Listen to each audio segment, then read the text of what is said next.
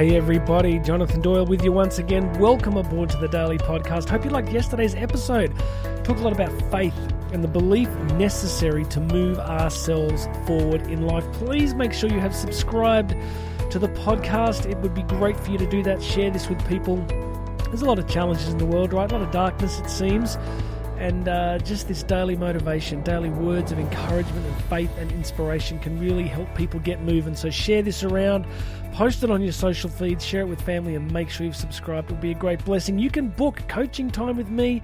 You will find a link floating around here somewhere where you can book coaching time. So if you want to work with me personally, go ahead and check out that link. Today I want to focus on a quote from Winston Churchill, one of the greats, the British wartime prime minister. But years ago, I read a 700 page biography of Churchill's life, and it's really interesting. I mean, he was one of those, you know, fascinating figures of history, right? Like just his life, like a lot of childhood trauma and rejection, and just, mm, you know, a lot of stuff that today would basically have you in a corner rocking back and forward for a long period of time. We're a very therapeutic culture now the focus on you know many of the challenges that you know of childhood and stuff uh, has become a big thing. Uh, be careful what I say here, but you get my point. Like previous generations often didn't address a lot of things that they went through, and I guess the criticism, you know, was that it manifested different ways. But you know, there's also people like Churchill who had very difficult backgrounds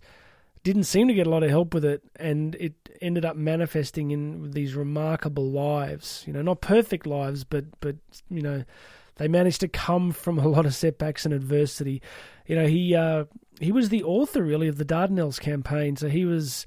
He, had, he got a lot of success very early in life. You know, in his twenties, he was uh, appointed Lord of the Admiralty, and was responsible for the Dardanelles campaign, the Gallipoli landings, which of course didn't go very well and his career was kind of ended. There's a moment in the biography that I read where he moves from Admiralty House, you know, one of the most exquisite buildings that had such a great history, and he ended up in a kind of tiny office the size of a broom cupboard. And that makes it important for today's quote because he says this success is not final, failure is not fatal. It is the courage to continue that counts. One more time success is not final, failure is not fatal. It is the courage to continue that counts. So, we are a culture that's kind of success fixated, right? We get so fixated on the idea of celebrity and success and glamour and fame. It's it's a very strong cultural force in our lives, and there's a isn't that you know that concept of having made it? Someone's arrived, they've made it, they've they've had that breakthrough moment, and there's a sense that then their life is set forever. And often, isn't it true that we see some people who experience great success and then end up blowing up their lives? So, no success is final, right? It's not like we ever arrive in this life. And in the same way, failure is also not fatal. Failure can be crushing, failure can be embarrassing, failure can be, you know, so disconcerting, but it's not, as, as Churchill says here, it's not fatal. You don't die from failure.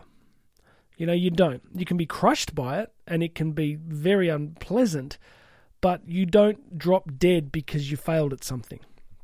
And I'm not minimizing that we don't, you know, enjoy failure. We definitely don't enjoy it when it happens. But he finishes by saying that it's the courage to continue that counts.